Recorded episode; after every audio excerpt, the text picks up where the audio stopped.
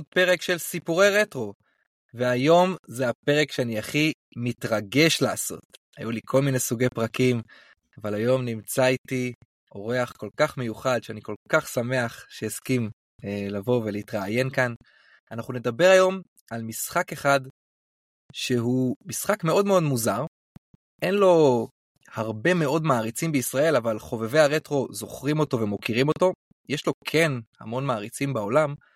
זה משחק שיצא בשנת 1997 על ידי חברת מחשבת, שהייתה בשבילנו הגיימרים ממש גורו ישראלי.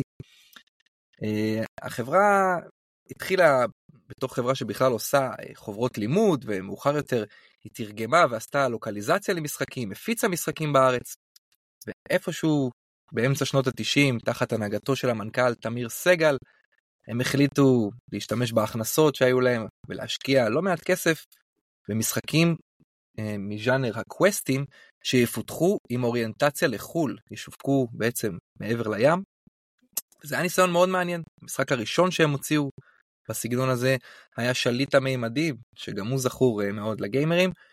והמשחק השני, שיצא בשנת 97 על גבי חמישה דיסקים, והייתה לו גרפיקה זכורה ויפה, והיו לו חידות מאוד מאוד קשות ומוטרפות. אה, קראו לו גרניקס בעברית. באמריקה הוא שווק כ-Armed and Delirious, ובגרמניה כדמנשיה. וכבר מהריבוי שמות הזה אתם מבינים שזה לא משחק סטנדרטי ויש שם הרבה דברים מיוחדים.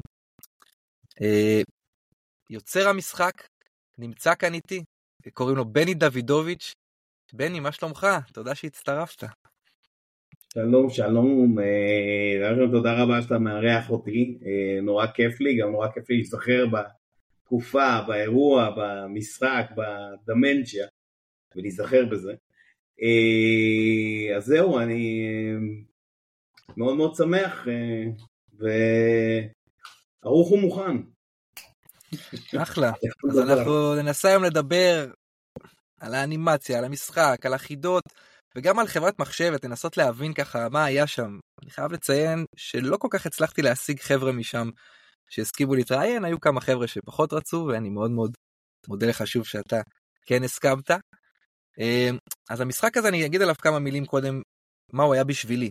אה, זה משחק משוב, כמו שאמרתי, מז'אנר ה-point and click היום קוראים לזה, אז קראנו לזה קווסטים. אתם משחקים אה, סבתא הולכת וצריכה להילחם באיזשהו ארנב אה, משוגע שכובש את העולם שלה, אה, וזה רק הולך ונהיה מוטרף יותר, משוגע יותר. אה, זה סוג של שילוב בין הקוסם בארץ עוז לאליסה בארץ הפלאות, אבל למבוגרים נקרא לזה, וכילד זה ממש תפס אותי. האומנות, הגרפיקה, החיבה שלי לכל הקרטונס והעולמות המשוגעים, וזה בין המשחקים הראשונים שרכשתי בדמי כיס, הייתי בן 12. אה, אני זוכר שהיה צריך סידי-רום אה, כפול 8, והיה לי רק כפול 2 בבית. אמרתי, זה יעבוד, זה לא יעבוד, בסוף זה עבד. אה, ולא הצלחתי להתקדם הרבה במשחק, אבל אחד הדברים שלשמחתי עשיתם בו, לא יודע אם זה היה בכוונה או לא בכוונה, הוא שהיה אפשר לשוטט בהמון המון מקומות. גם אם לא התקדמת בחידות ולא פתרת, חלק פתרתי, אבל זה היה מאוד קשה. ופשוט שוטטתי בו שעות, גם בלי להתקדם המון, והיה לי כיף. זה אחד המשחקים שאני הכי הכי זוכר מהילדות, ואולי הכי מיוחד ש... שיש, אם ניתן עוד איזה אנקדוטה לפני שנתחיל לדבר איתך, בני. אז זה סרטון וורקת'רו של אה, אחד היוטיוברים המובילים בתחום הרטרו גיימינג, שקוראים לו רוס. הוא מגדיר את המשחק הזה בסרטון, זה סרטון עם 700 אה, אלף צפיות, זה, שזה לא מעט למשהו מרטרו משחק ישראלי. הוא קורא לזה This is the black sheep of weird games, ככה הוא קרא לזה. אה, ואנחנו ננסה להיכנס היום לראש שלך, בני, ולהבין מה הלך שם אה, במהלך העבודה על המשחק. אז בוא נתחיל, יש לי המון שאלות, אני מקווה שנספיק את הכל. אז קודם כל תספר קצת על עצמך היום, מה אתה עושה היום, אה, ואחר כך נעשה ככה חזרה אל העבר. היום אני חזרתי לארץ, הייתי כמה שנים טובות בקפריסין, ככה בגדול אה, שותפתי, אשתי, אה, היא אחת מהכותבות הסרטים הכי גדולים שיש לסדרות אנימציה לילדים בעולם. ואנחנו שותפים תמיד בכתיבה ועובדים ביחד שנים. אני, יש לי כמה סטודיואים, זאת אומרת אני מנהל תוכן של אה, כמה סטודיואים אה, ברחבי העולם ש, שאני חלק אה, נכבד בהם, סטודיואים למשחקים, כל מיני משחקים, סטודיואים לסדרות אנימציה, דברים שאנחנו תמיד אוהבים ואהבתי תמיד לעשות, אז פשוט הגדלתי את זה all around the world, מברזיל, קפריסין, אה, אנגליה ו... ועוד מקומות בעולם. אה, זהו, סטודיו נחמדים מאוד, אנשים נורא נחמדים, כיף גדול. אה, זה פחות או יותר מה שאני עושה היום, ממציא משחקים וכותב סדרות אנימציה ועוד דברים אחרים. זהו, לפני כן גם קצת ניהלתי את, את התוכן של ניקולדיום, תהליך חברת אנימציה בישראל שקראו לה פיל אנימציה, ועוד הרבה דברים התגלגלתי עם הזמן, אה, קדימה ואחורה, אה, אבל תמיד באותה תנועה לעבר הפאן וכיף ואטרף. אה, זהו, מרשים מאוד, מרשים מאוד, וכל זה התחיל בתחילת שנות ה-20 שלך במחשבת, נכון? כן. אני רוצה, אנחנו חוזרים עכשיו אחורה בזמן, אני רוצה שתספר לי על בני הילד והנער, מה צרכת? איזה סוגים של מדיה, לא משנה מאיזה תחום, צרכת שבסוף, כן, לפני שהגעת לחברת מחשבת, בוא נגיד את זה ככה. אז ככה, אני, אני הייתי באמת ילד כקיבוצניק, קיבוץ דתי, קיבוץ עין צורים, קיבוץ אי שם בדרום. אה, בוא נגיד קיבוצניקים זה לא האזור הכי חזק לפנטזיה והומור, אז אה, הייתי ממש אה, דמות מאוד מוזרה בקיבוץ. הייתי מסתובב עם מטאטא ויורה בדברים באוויר. אה, עבדתי ברפת וכל מיני כאלה, אני ממש ממש חולה על חיות, זאת אומרת, אה, עכבישים אה, בזים, חתולים, כלבים, תמיד היה לי, פרות, תמיד היה משהו, איזה חיה לידי, אני מאוד מאוד אוהב חיות, לכן אתה גם תראה את זה במשחק, ראית הרבה הרבה כאלה. ובקיבוץ לא היה יותר מדי לעשות זה, זה היה לי רק את הדמיון שלי ואת הרעיונות שלי, ואז עם הזמן ככה נורא נורא לא ידעתי מה לעשות עם זה, הלכתי לצבא, הייתי ביחידה קרבית וכדומה וכדומה ואז אה, הגעתי למסקנה שאני חייב, חייב לעשות משהו עם זה שאני נורא נורא נורא רוצה. אה, אז הלכתי ללמוד תסריטאות בכמה רובוסקורה אה, חילקתי עיתונים בבוקר, הייתי בבית קפה, עשיתי סנדוויצ'ים והסתכלתי על אה, כל מיני אנשים שהכינו קפה. ו... והתחלתי גם לכתוב סיפורים, והתחלתי לכתוב רעיונות ולצייר כל מיני ציורים. אז פגשתי איזה מדוד שלי שאמר לי, אמרתי לו איך אני, איך אני מגיע לאנשים, איך אני, איך אני נכנס לעולם הזה. אמר לי, תשמע, קראתי לו רעיון של כל מיני סיפורים ואיזה משהו בתוך משהו וכאלה. אמר לי, תשמע, תיכנס בדלת, תזרקו דרך חלון, תיכנס דרך השירותים, אתה תגיע. אה, זהו, אז אה, ככה כל הדברים האלו. ראיתי המון המון סדרות אנימציה שהייתי ילד, אה, ואני מאוד מאוד אוהב את מונטי פייתון והומור אנגלי וכדומה. זה היה חלק מרכזי מה, מהחוויה והנונסנס, וזה גם כנראה אחת הסיבות, אנחנו לזה בהמשך, שהם לקחו אותי, כי באמת אה, אה, השפה שלי היא בינלאומית, ולכן המשחק הזה גם היה לו גם הצלחה בינלאומית. וזהו, למדתי סרטאות, כמה בסקורה, ו... and less. אה, אז רגע, אני, אני עוצר אותך. מבחינת גיימינג היה שם משהו? כלומר בשנים האלו שעדיין לא שיחקת? שלא, כמעט שלא. וואלה. זה, זה, זה גם בדיוק אחד האלמנטים היפים, או מה שהגדיר אותו ב-PC מגזין של שנות ה-90, אחד מהמורכבים ביותר שהיו אי פעם, אה, זה, זה בגלל שבאמת לא ידעתי כל כך את החוקיות הבסיסית. אחרי זה למדתי קצת, וכשנגיע למחשבת אני אספר בדיוק מה היה התהליך, אבל, אה, אבל, אבל באמת, כאילו, כמו שאני אוהב, אני אוהב דף לבן, ואז להמציא את הכל, את כל הלוגיקה, את כל הרעיון וזה, וגם פה, גם פה המצאתי, זאת אומרת, לקחתי את הקווסט, הבנתי את הקווסט, אבל זרמתי איתו למקומות שלא תמיד זורמים. אז אה, זהו, אז אה, זה פחות או יותר התקופה לפני כן, הייתי גם הסתובבתי קצת וכל מיני דברים כאלה, הייתי גם גזלן, שזה יגיע אותנו לאחת השאלות המאוחרות יותר, אז, אה, אז פשוט אה, זהו, משם, משם אה, שיחקתי קצת, אהבתי מאוד מאוד סדרות אנימציה, זאת אומרת זה היה ה-baby שלי, הסיפור, העלילה, הרעיון, המוטיב, הדמות שמאחורי, זה היה מה שתמיד תפס אותי וזה גם מה שמריץ את גרני. יפה מאוד אז אוקיי אז אתה אוקיי אחרי הצבא וכולי בוא בוא כן תיקח אותנו איך התחיל בעצם הרומן הזה עם מחשבת כמו שאמרתי הם היו חברה כבר מבוססת עם קהל. הם שמו אני מניח לא מעט כסף על הפרויקטים האלה שהם החליטו לשווק בחול. אה, איך הם בחרו דווקא אותך אה, להוביל את זה בלי הרבה ניסיון בעולם הגיימינג בעצם. אה, אז ככה דבר ראשון סתם נחזור שנייה אחורה זה מבחינת המשחקים כשהגעתי למחשבת אז, אז שמו אותי שם באיזה עליית גג ו, ו, ושיחקתי את הרייבין רבץ, נברוד, סמל מקס, יומו של הטנטיקל, כל הדברים האלו, חוויתי אותם, שיחקתי אותם שעות אחרי שעות.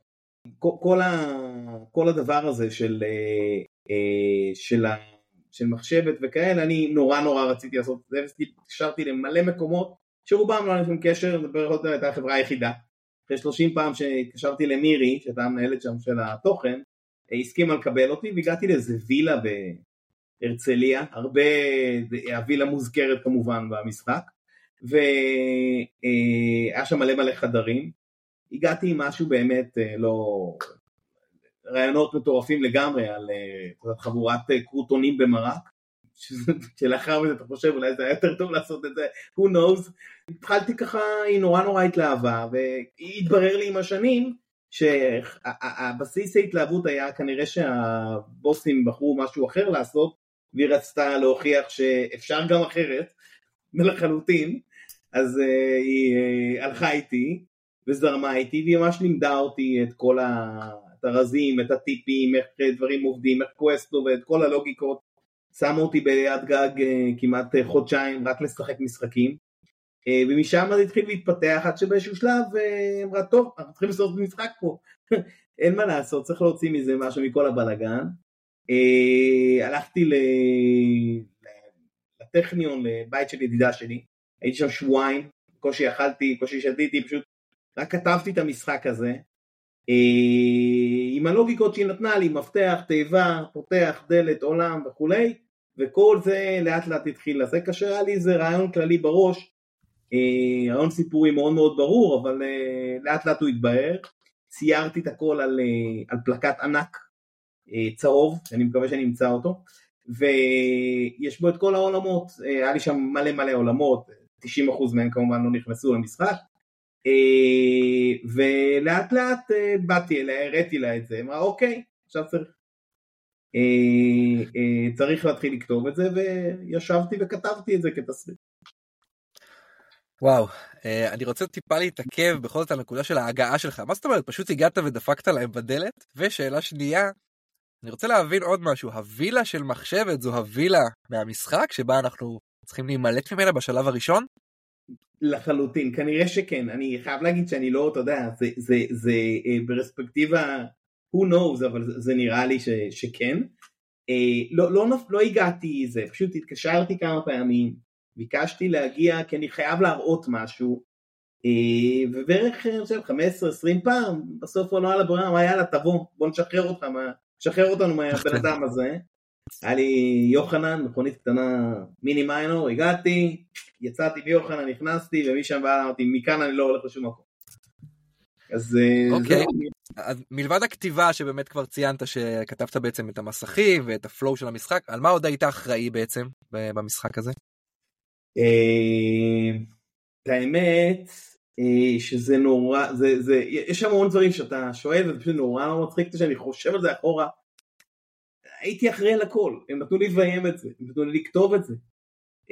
שזה, אז כשאתה חושב על זה היום זה הזוי לחלוטין כי לא היה לי שום, לא יודע אם אתה להגיד את זה, אבל לא היה לי שום ניסיון בשום צורה שהיא, אה, אתה יודע, גמרתי, הייתי באמצע קאמרה אובסקורה ללמוד איך כותבים תסריט בכלל. אה, זהו, אז ביימתי את זה, עשיתי את הסאונד של זה, אה, כאילו ביחד עם מוזיקאים ו... ו... הייתי עם הגרפיקאים, עם עידית, שזה היה גם בשבילה פעם ראשונה, ועוד חבר'ה אחרים, עוז ועוד כל מיני קבוצה מאוד מאוד גדולה של גרפיקאים, קבוצה מאוד גדולה של מתכנתים גם, ו, וזהו, נתנו לי ל, ל, לעשות את זה. מכל הכיוונים, אתה יודע, פתאום סתם אנקדוטה על האירוע הזה, יום אחד שמעתי איזה אה, אה, אה, קריינית בסרט שראיתי, בלייד ראנר, אז אה, הייתה הקריינית של המעלית, אמרתי זאת גרני. אמרתי אחלה מגניב, אמרתי אחלה מגניב, את גרני אני רוצה, זאת גרני שאני רוצה, הלכתי לתמיר, שאם הימים גם נהיה חבר טוב שלי, אה, ואמרתי לו כזה... תמיר זה המנכ"ל, כן. כן, כן, אמר לי יאללה, לך תשיג אותה. פשוט לך תשיג אותה, היה לי מושג הירוק, בחיים לא הייתי בחוץ לארץ, הגעתי לסוכן שלה, מצאתי, עליתי על מטוס ללונדון, נסעתי ללונדון, הגעתי שלוש שעות איחור תוך כדי ערפל להקלטה, והיה צחוקים, הזמינה אותי לפאב, היה שעה בפאב, ואחרי זה כל הלילה עד הערב הקלטנו מה שהיה צריך וגם לא מה שהיה צריך, וזה היה הליריאס, אנחנו uh, השתנו שם, זה פשוט uh, התוצאות במשחק. כן, סיפור מדהים, והגעת לגרני, אז אני חייב לשאול, אולי תנסה לקחת אותי לרגע שבו הגית את גרני, כלומר, איך זה היה? זה היה תכננת סבתא ומישהו אחר צייר אותה ואמרת, כן, ככה אני רוצה, או שאתה גם ציירת? כאילו, איך זה בדיוק, איך הדמות לא, הזאת התגבשה? אני... כי זו דמות שהיא אייקונית. אז אני, אני, אני איש רעיונות, אני מאוד מאוד אוהב רעיונות. אה, הקטע אצלי שאני חייב תמיד אנשים, וגם היום אני עובד ככה בכל הסטודיואים שלי בעולם, אני ממציא את הרעיון מעבר לזה, אנשים אחרים מפתחים אותו ועושים את כל הארט וכל הדברים האלה, אנשים מאוד מאוד מוכשרים, אה, שאני מאוד מאוד אוהב, אז, אז אותו דבר היה עם גרני, באתי, ו, ופשוט, אה, כמו שאמרתי לך, היה קטע של הקרוטונים, ולאט לאט הסיפור הפך להיות לא על קרוטונים שמנסים לצאת מהמרק, אלא אה, סבתא שמנסה להשיג את הספר מתכונים שלה. עכשיו, סבתא הגיעה כי חיפשתי משהו שהוא לא הגיוני, זאת אומרת, לא הגיוני שדמות גיבורה היא תהיה סבתא. וזה עשה לי את הטריגר, כי זה בדיוק גם אלמנט בחיים שלי. אני מאוד מאוד דברים לא, לא הגיוניים, אני אוהב, את, אני אוהב את האתגר, אני אוהב את, ה, את האבסטרקט, אני אוהב את הדברים האלו, וזה היה בדיוק זה, זאת אומרת דמות. וזה נורא השליך עליי, שבתור ילד בקיבוץ, הייתי קטן, זה כולם היו גדולים עליי, פתאום אני יכול לעשות משהו שהוא מעבר, להסתובב בעולם, להמציא, ליצור ולקחת, להרוויח ולהתקדם, בסיפור לא נורמלי, אה, וזה רק סבתא יכולה לעשות, אז זה ממש היה לי, התלבש לי הכי טוב. אני חושב שעידית ציירה אותה, אה, אני חושב שברגע שהיא ציירה אותה אנחנו ידענו שזה זה, זאת אומרת לא היה פה שאלה. עידית היא גרפיקאית בחברה. כן כן, עידית, אה, וזה קטע מדהים, כאילו פשוט נתנו לי באמת ברגע שהמצאתי את הרעיון, שאפילו החזייה שלה תהיה האינבטורי, זאת אומרת, אני לא יודע, אף אחד לא עצר אותי, בוא נגדיר את זה ככה. שמתי לב. פשוט זרמתי והלכתי עם זה הלאה, אז uh, it was fun.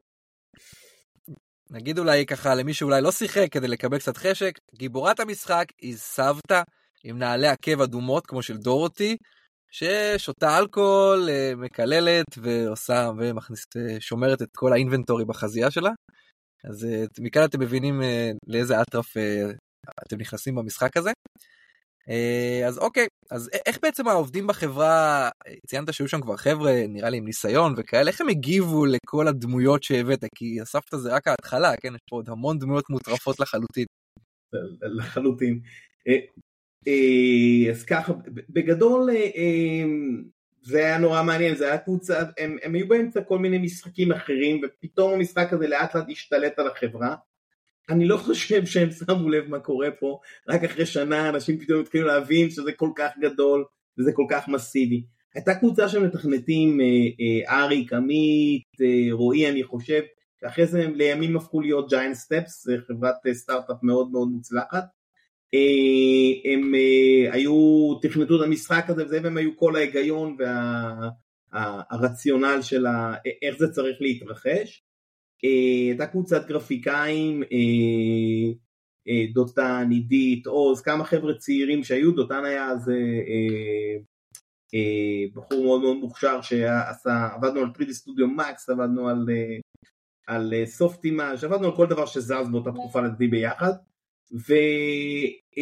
והייתה ולאט לאט כאילו בניתי את הקונספט ולאט לאט אה, קבוצה קבוצה נכנסנו ועבדנו עליו עם איזושהי לוגיקה מסוימת ש, שהתחלתי לעשות, הראיתי להם את כל העץ של המשחק וכל אחד נורא נורא אהב אה, אה, חלק אחר אז הוא עיצב אותו ולכן יש עיצובים שונים וזוויות שונות במשחק, עולמות שונים, כל עולם עם, אה, עם תחושה אחרת, עם, רק פשוט אנשים אחרים עיצבו דברים אחרים, זאת אומרת לא היה פה ארט דירקטור שרץ והלך על הכל, זה היה ממש אה, אה, הקו הראשוני היה של עידית באמת, אבל משם והלאה הכל, הכל זרם ואני בטח לא עצרתי.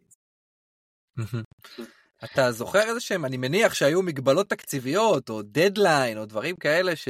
כי בסוף המשחק יצא מאוד מאוד גדול. מה, מה אתה יכול בכל זאת לזכור מה, מהתחום הזה? המשחק יצא ענק, המשחק יצא ענק, ואני חושב שזה גם, אה, אני שבניתי אותו לא, לא חשבתי על הגודל שלו ועל הדברים, כמו, כמו הרבה דברים, אני ממש לא חושב על דברים טכניים.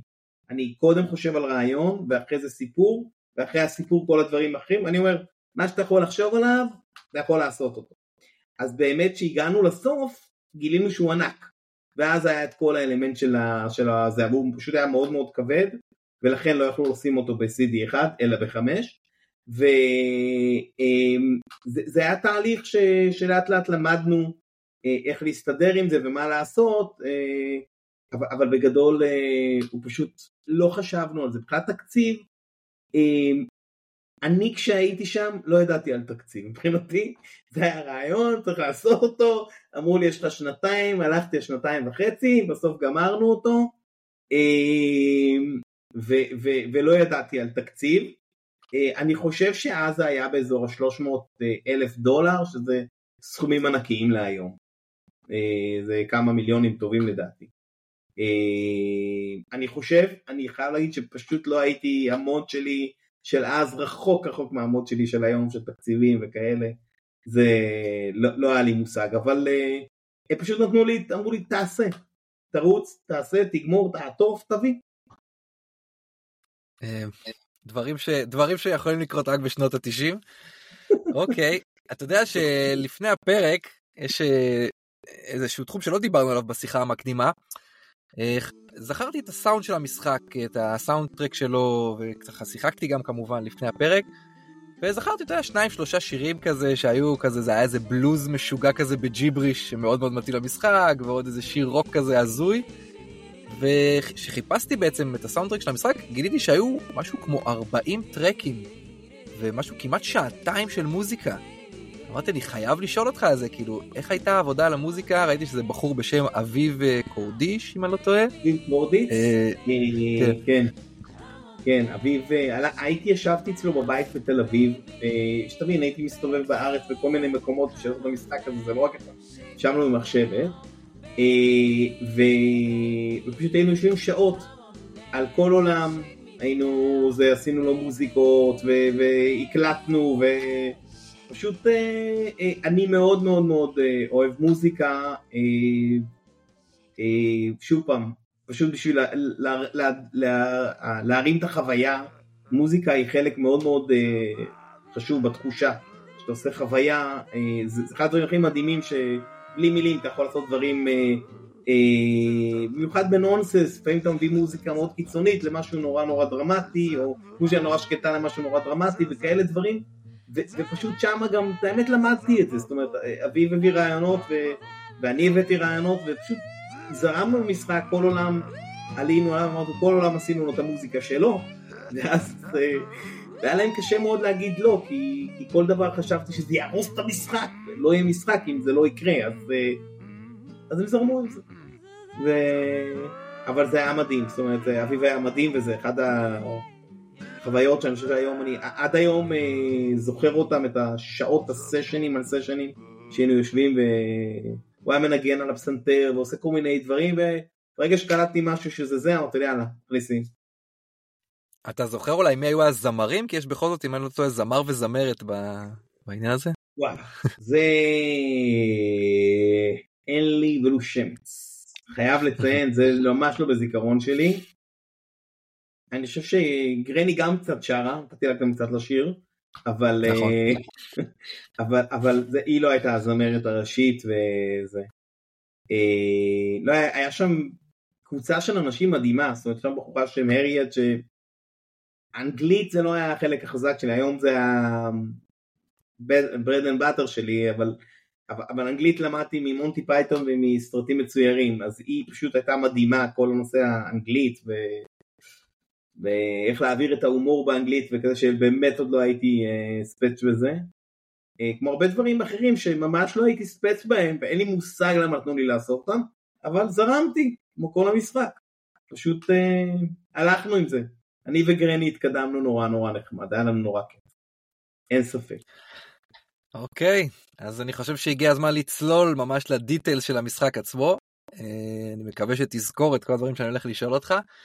אה, קודם כל נגיד אה, שוב למאזינים, אה, ננסה לתאר בכל זאת, אנחנו אומרים פה מוטרף, מוטרף, משוגע, קרטון זה, בכל זאת מה קורה, אז המשחק קודם כל נפתח בסרטון של איזה 6 דקות, סרטון כזה שמכניס אותך לאווירה, מה קורה שם, יש משפחה, הכל כזה מצויר בצורה קרטונית מוזרה, ויש פיל שנכנס בתוך הבית, ואז כל הבית נתלש מהמקום שלו והוא מרחף בחלל, מה, מה, מה עבר לך בראש כשעשית את הסרטון הזה, ואיך, אתה יודע, זה לא כזה טריוויאלי לפתוח משחק בקדימון של 6 דקות, אנשים עלולים... אה, להתחמש משהו, אתה אומר לי 6 דקות, אני בכלל... אה, אז אז הכל מתחיל מאיזושהי נקודה בסיסית ש, שבמוח שלי, לי יש רעיון, אוקיי, והרעיון שלי היה איזשהו אה, היגיון לא הגיוני, שזה הלוגיקה של המשחק.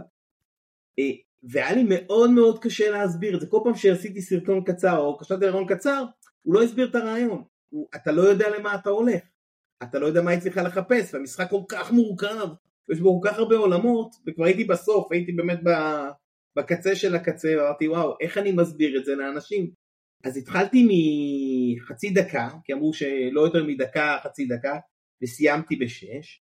Uh, הרעיון היה שפשוט רציתי לתת אה, מכיוון שהעולם היה שם מלא מלא עולמות, לתת כמה שיותר נקודות, כמה שיותר רמזים, כמה שיותר אה, לספר את הסיפור.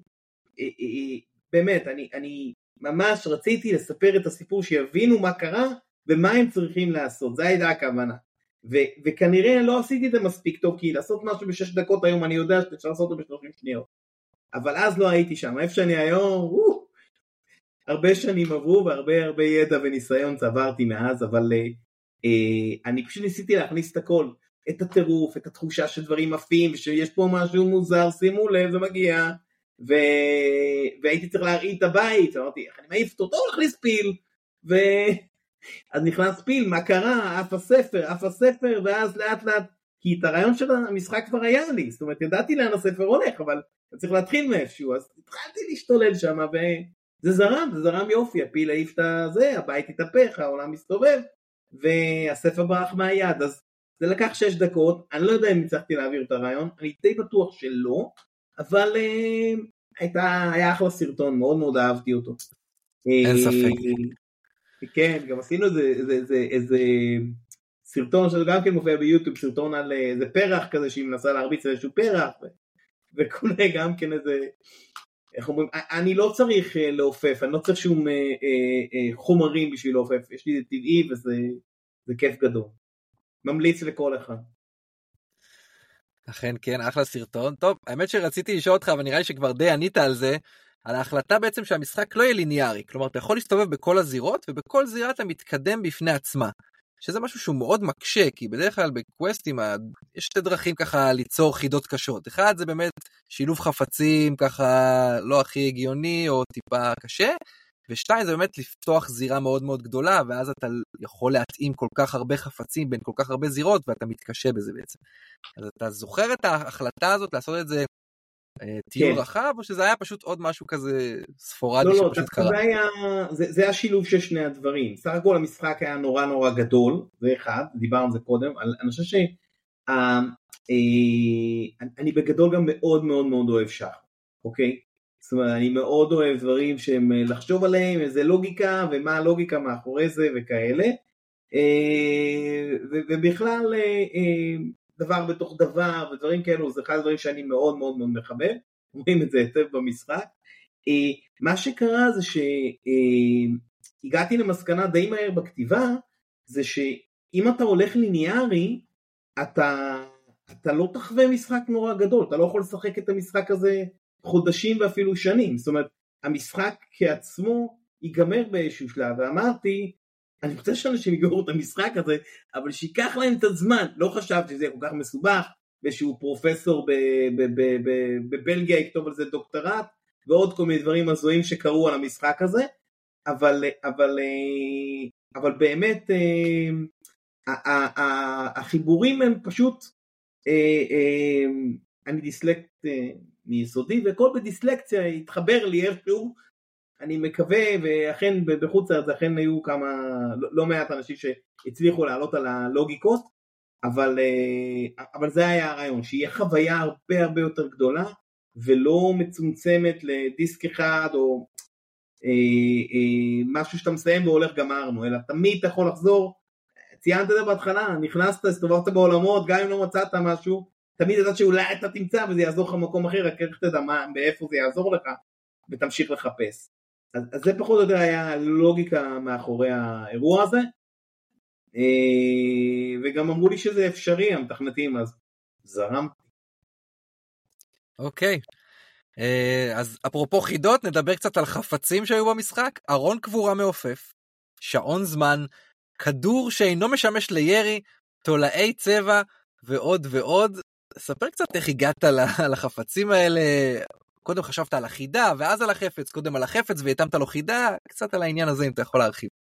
אז, אה, אז כן, יש שם פנטזיה ורעיונות, זה, כמו שאמרתי, זה לא באמת הדברים שבעיה אה, תמיד אתה קם בבוקר עם איזה רעיון או משהו כזה. אבל אה, בגדול היה לי איזשהו, היה לי איזשהו סיפור שרציתי לספר, ורציתי למצוא מעברים לעולמות. הדוגמה הכי טובה לזה זה, נסעתי פעם אחת לסיני עם חברים ידידים, ופתאום אני רואה את האורות של, אה, של סעודיה או ירדן או משהו כזה, זה היה נראה לי נורא נורא קרוב, אמרו לי זה סעודיה זה נורא רחוק, ואז עלה לי הרעיון שכל מה שרחוק הוא גם מאוד מאוד קרוב, זה נקודת אור בסופו של דבר, אז נקודת מגוז, ואז עלה לי העולם ההפוך, ומשם הרעיון של המעליות, שמעליות הולכות לרוחב ולא לאורך, כאילו לא למעלה למטה אלא לאורך, לאור, לרוחב, והן הכי קרובות אליך אבל גם הכי רחוקות, כי זה נקודת מגוז. אז מכל מיני אסוציאציות כאלה הגעתי למסקנות לוגיקויות שבניתי אותן ועליהן הרכבתי את החפץ שיעזור או את הדבר אבל הסיפור עצמו והלוגיקה עשיתי ממש ב, ב, באסוציאציות אה, סיפוריות עם איזה הקשר סיפורי אבל אה, אה, ולכן אני חושב אחת הסיבות של הקשיים של, ה, של החפצים כי הם כאילו הולבשו על הסיפור ולא היו הבסיס הסיפורי אז אלה הם התוצאות. אוקיי. הייתה במשחק גם אה, מערכת רמזים, בעצם הסבתא נושאת איתה איזשהו tape recorder כזה, ובכל זירה היא יכולה ללחוץ play ולשמוע את אה, ראש המשפחה, שכחתי את השם שלו, מדבר, אתה זוכר מי היה השחקן ש... כן, ג'ורג', נכון. כן. מי היה השחקן שדיבב אותו, אתה זוכר אולי? אין לי ולו שמץ. איך החלטתם על המערכת הזאת? אולי הבנתם שזה קשה? אה, המתכנתים הגיעו אליי יום אחד, אמרו לי, תראה, אנחנו מבינים טוב בלוגיקה, אין פה שום לוגיקה. אה, ניסיתי להסביר את עצמי, אבל הם אמרו לי, בני, תשמע, זה, זה מגניב, זה משחק מדהים וזה, אבל אנשים פשוט לא ידעו את הידיים והרגליים שלהם. אה, חיפשנו, איך אומרים, עמוק בחזייה, ומצאנו tape recorder, אמרנו יאללה, זה יהיה מגניב, ואז עברתי אה, מסך מסך, אה, אה, מקום מקום, עם הפרה, עם הקיפוד, עם ה... בכל המקומות, בכל המקומות, בכל הזה, פשוט חשבתי מה הרמז, הכי לא פחות ברור, אבל עדיין יכול להזכיר, שיכול לתת איזושהי עזרה לשחקנים, ומכאן הגיע טייפ ריקורדר, הוא ממש היה אה, הצלה להרבה הרבה שחקנים בסופו של דבר התברר.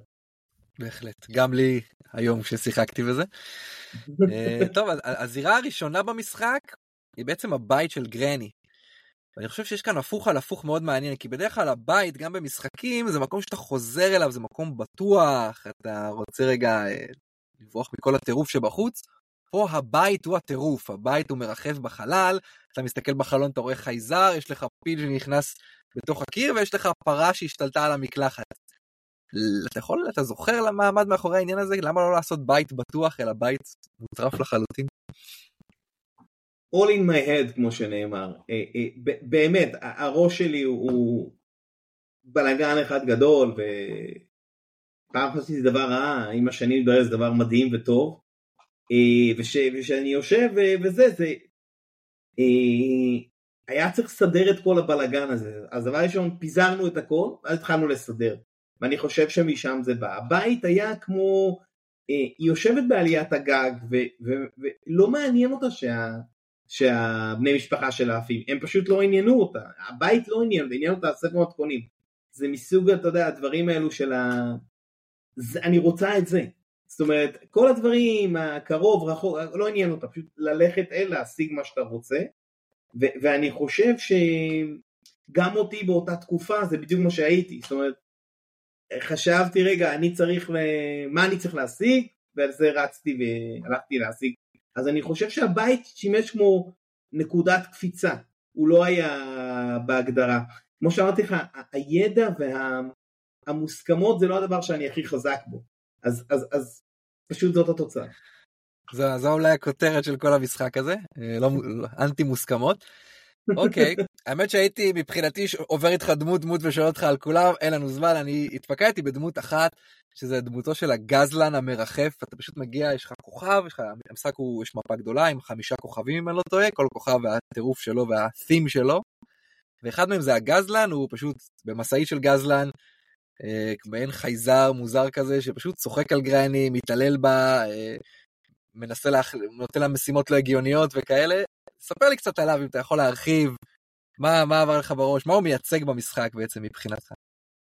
אז כשעשית את המשחק לא באמת ראיתי אותו כמו ראיתי אותו כמו איזה עוד חלק בעולם שנותן לדברים או לא נותן לדברים וכשקראתי את השאלה הסתכלתי ואמרתי אופס הנה זה בא איפה זה אופס זה בא כשאני גמרתי את הצבא הלכתי הייתי חבר שלי גזלן במצפה רמון.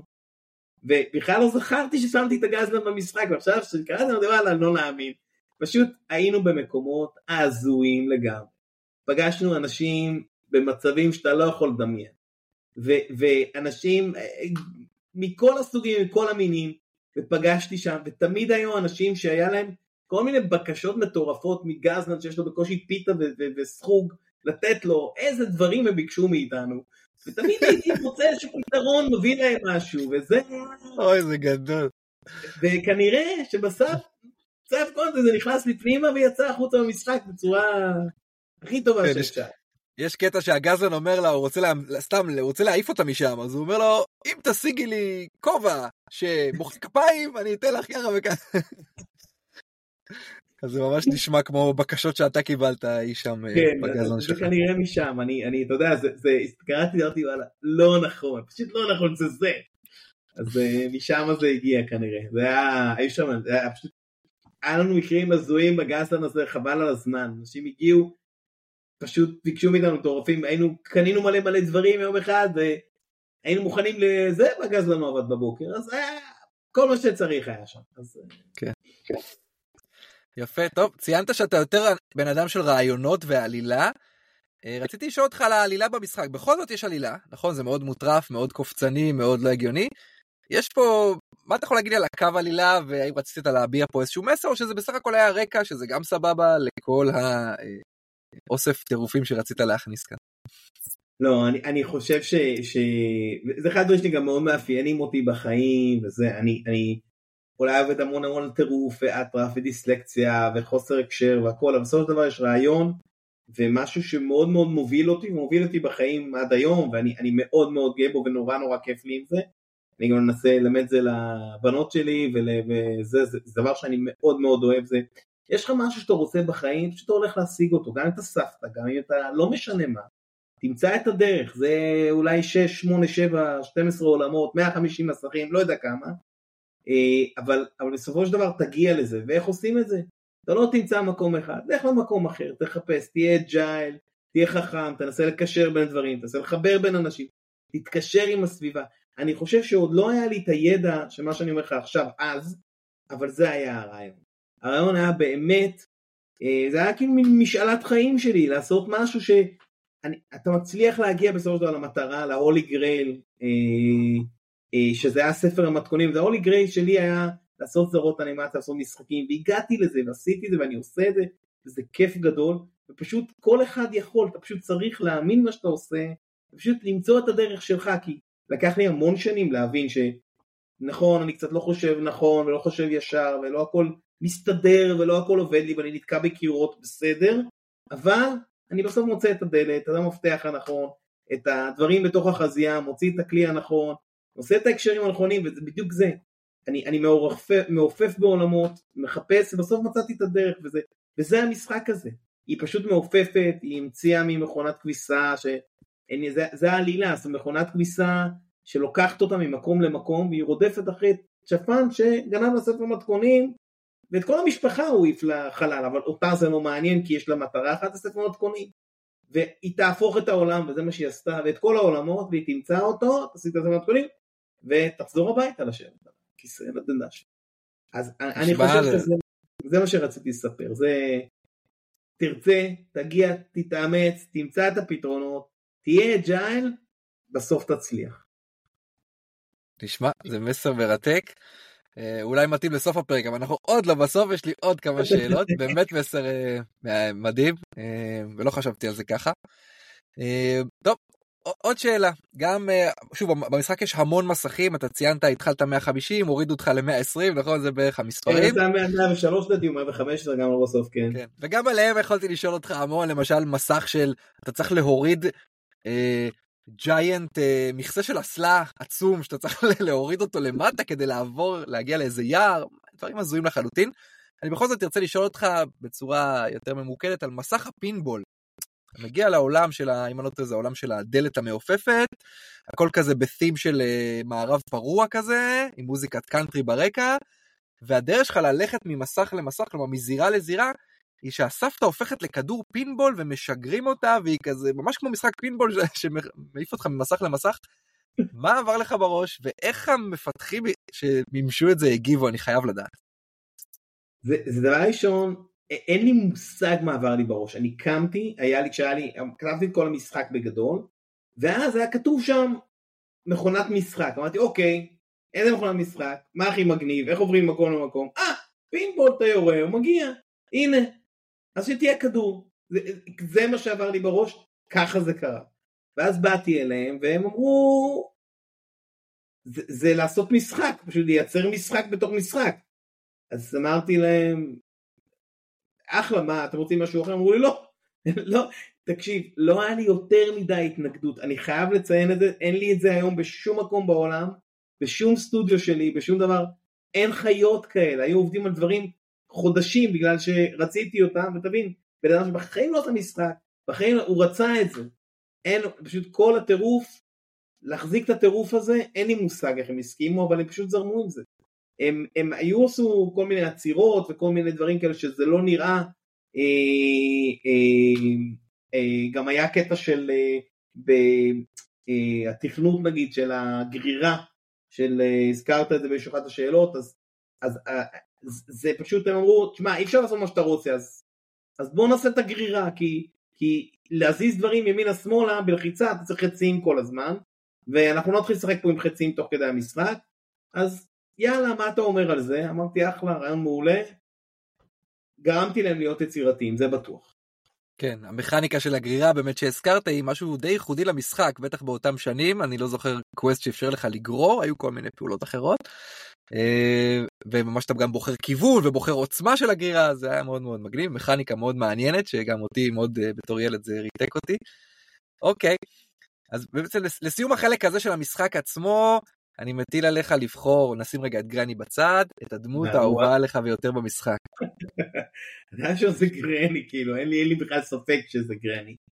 אה, תראה, אה, אני לא יודע לשים את הגרני בצד, כי מבחינתי זה הדמות. תראה, יש את כן. השפן המטורף, ויש את ג'ורג', ויש את הבחור שעושה לה חידות באחד מאיזה גן אה, עתיק.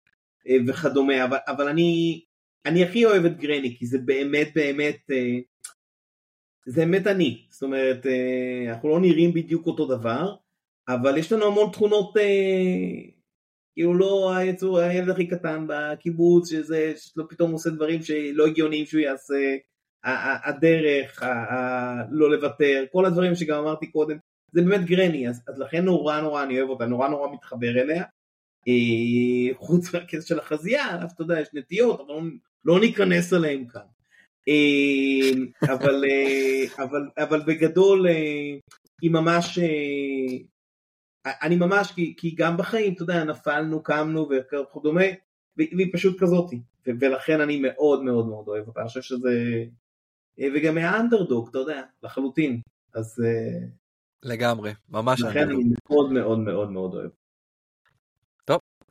אה, אני רוצה שתספר לי ככה, אוקיי, היה משחק מוטרף, אני מקווה שעשיתי חשק לאנשים לשחק, אני גם uh, אספר אחר כך uh, קצת חדשות בעניין הזה. מה אתה יכול לספר לי על השיווק של המשחק בעולם, על התגובות שקיבלת בעולם וכולי? נתחיל אולי מה, מהתגובות. אז תגובות, אז, אז דבר ראשון, אה, אה, בגדול המשחק היה אה, רב מכר בצרפת, קנדה, יפן, כמו שאתה מבין, במדינות היותר מוטרפות, שיפנים, קנדים שזה צרפתים וצרפת, ש... אה, הוא, היה, הוא היה בסדר בארצות הברית, הוא לא לדעתי אה, אה, המריא שם בטירוף, אבל הוא היה די בסדר שם, אבל במדינות האלה הוא היה רב מכר, גם באירופה הוא היה בסדר, אתה יודע, לא כמו לא מזרחי, גם באירופה, אבל, אבל, אבל כן, הוא היה בסדר גמור בגרמניה ובעוד מקומות, גם באנגליה, אבל באמת רב מכר בצרפת, אה, אה, קנדה ויפן עד כמה שאני יודע,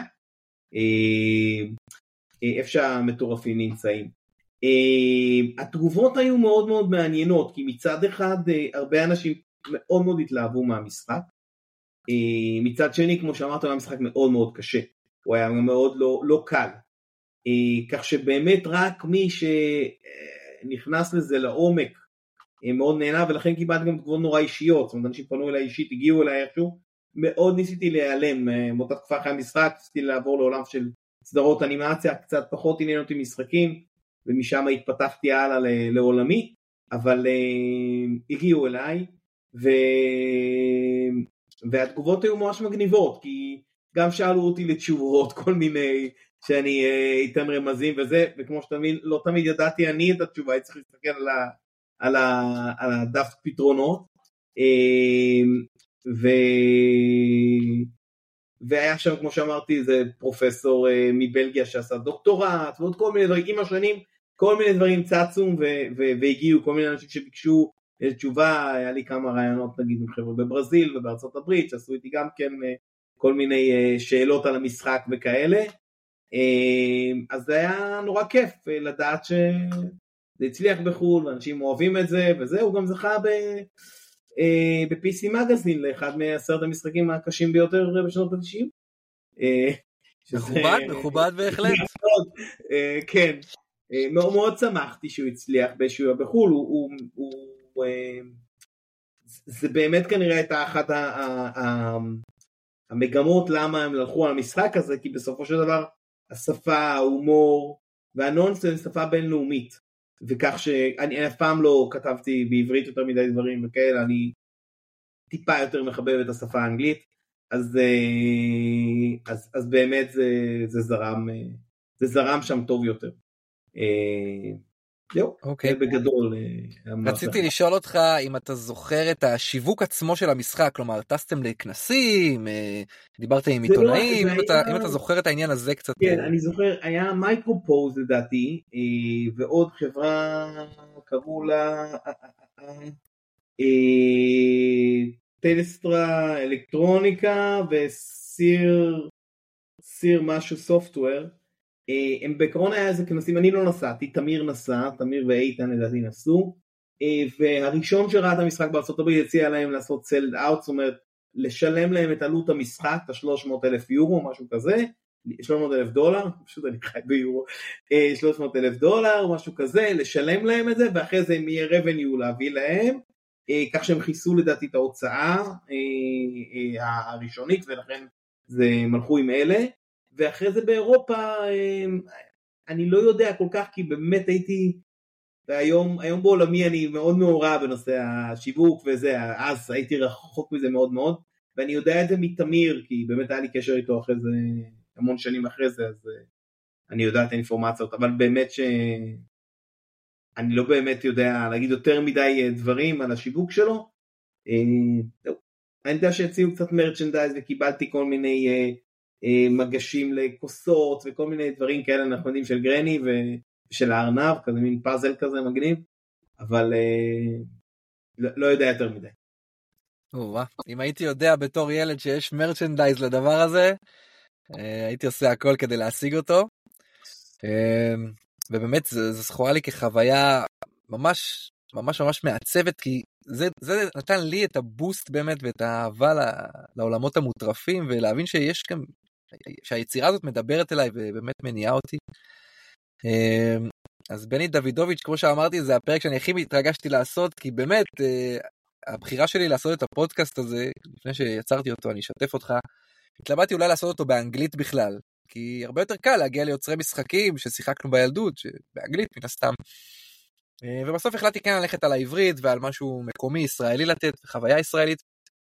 ובאמת, לא יוצא לי הרבה, להס... כאילו אין לי הרבה יוצרי משחקים ששיחקתי ואני גם יכול לראיין אותם בעברית, ולכן הרעיון הזה מאוד מאוד מיוחד בשבילי.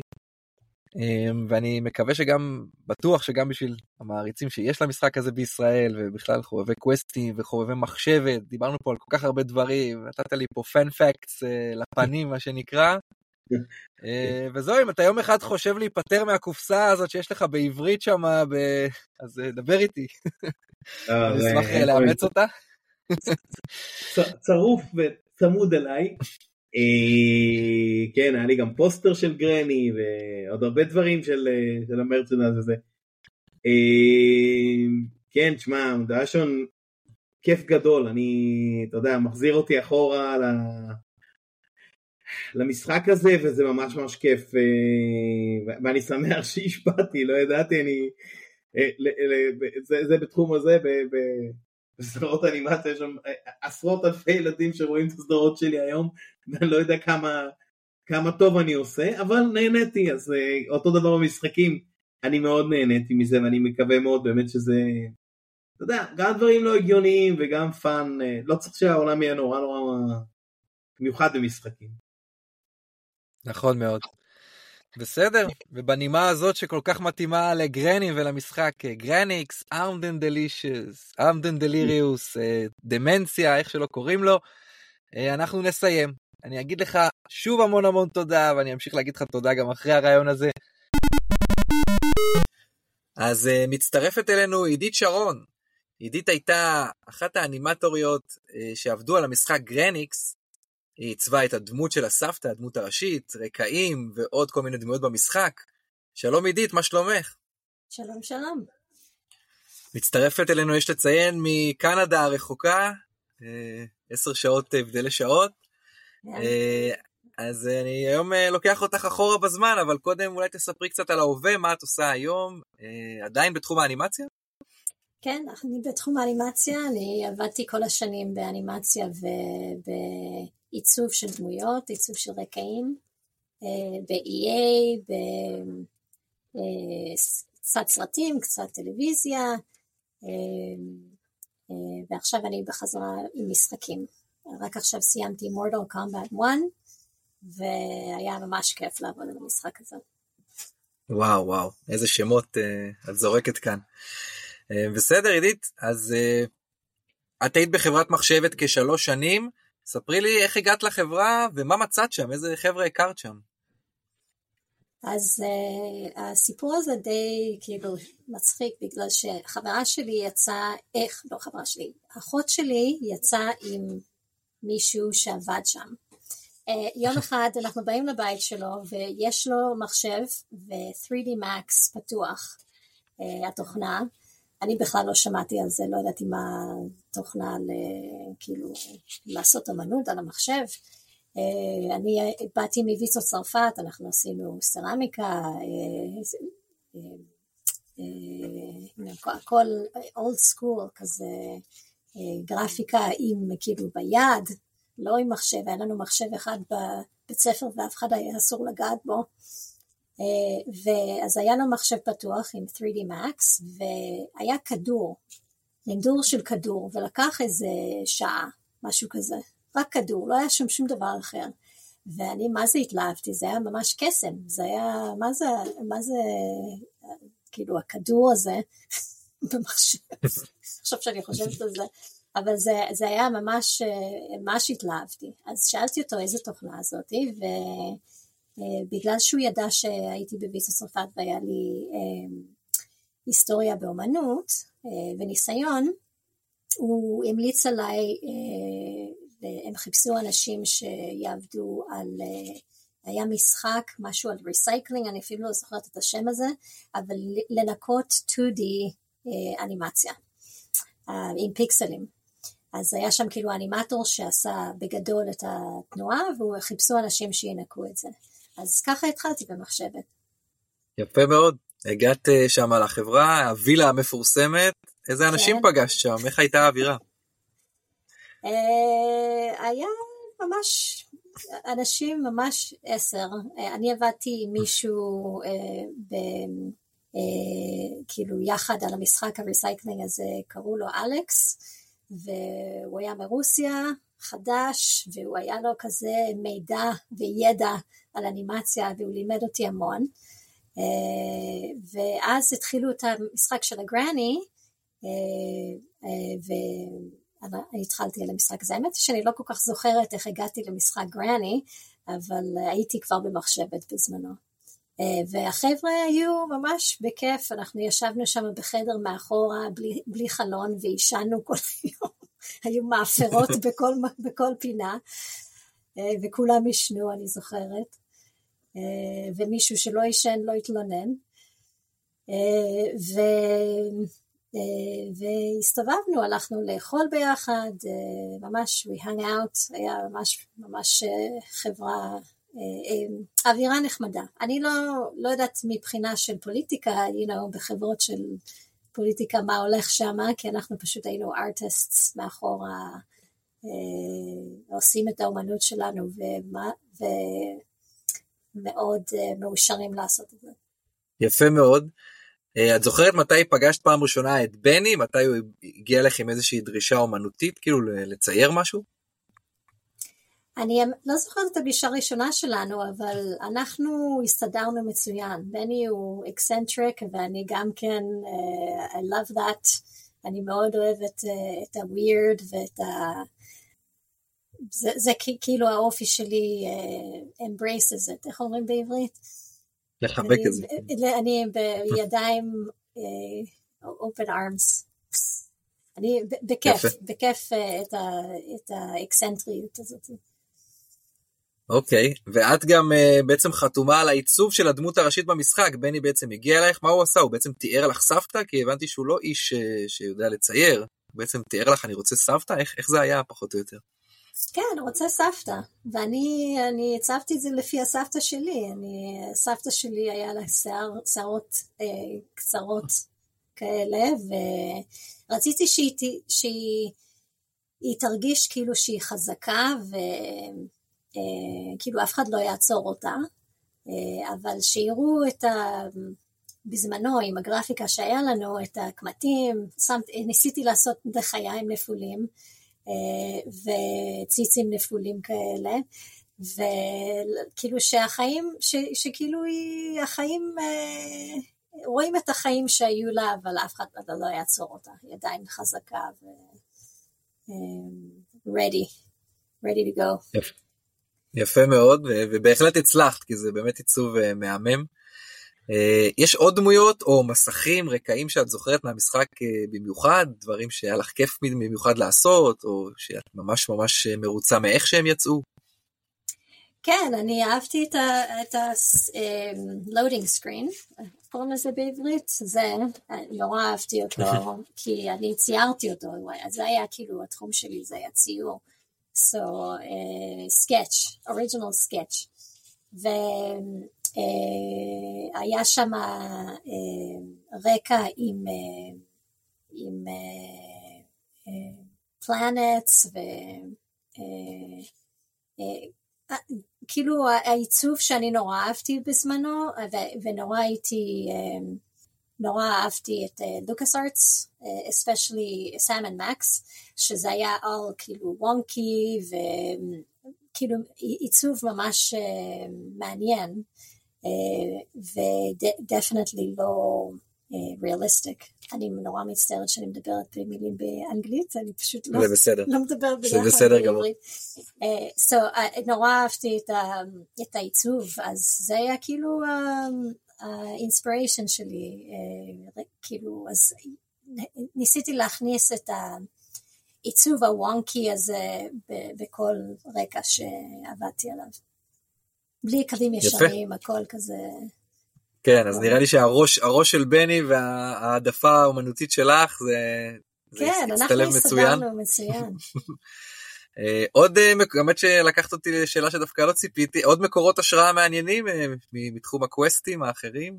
סמן מקס זה באמת קלאסיקה. כן, סמן מקס, גרים פנדנגו, אני הייתי ממש מעריצה של לוקאס ארטס, ממש, אהבתי את כל מה שהם עשו, שיחקתי בדיג, בגרים פנדנגו, מונקי איילנד, כל המשחקים האלה, שזה היה בערך אותו כזה סיפור, adventure game, שאתה מסתובב ומחפש ו... you know, מחפש אוצרות. את זוכרת אם קיבלת איזה שהן תגובות למשחק? את זוכרת אחרי שהוא יצא, מה היו אולי המכירות, או איך, איך, איך המעריצים קיבלו אותו? זה משהו מזה הגיע אליכם, האנשים מאחורי הקלעים?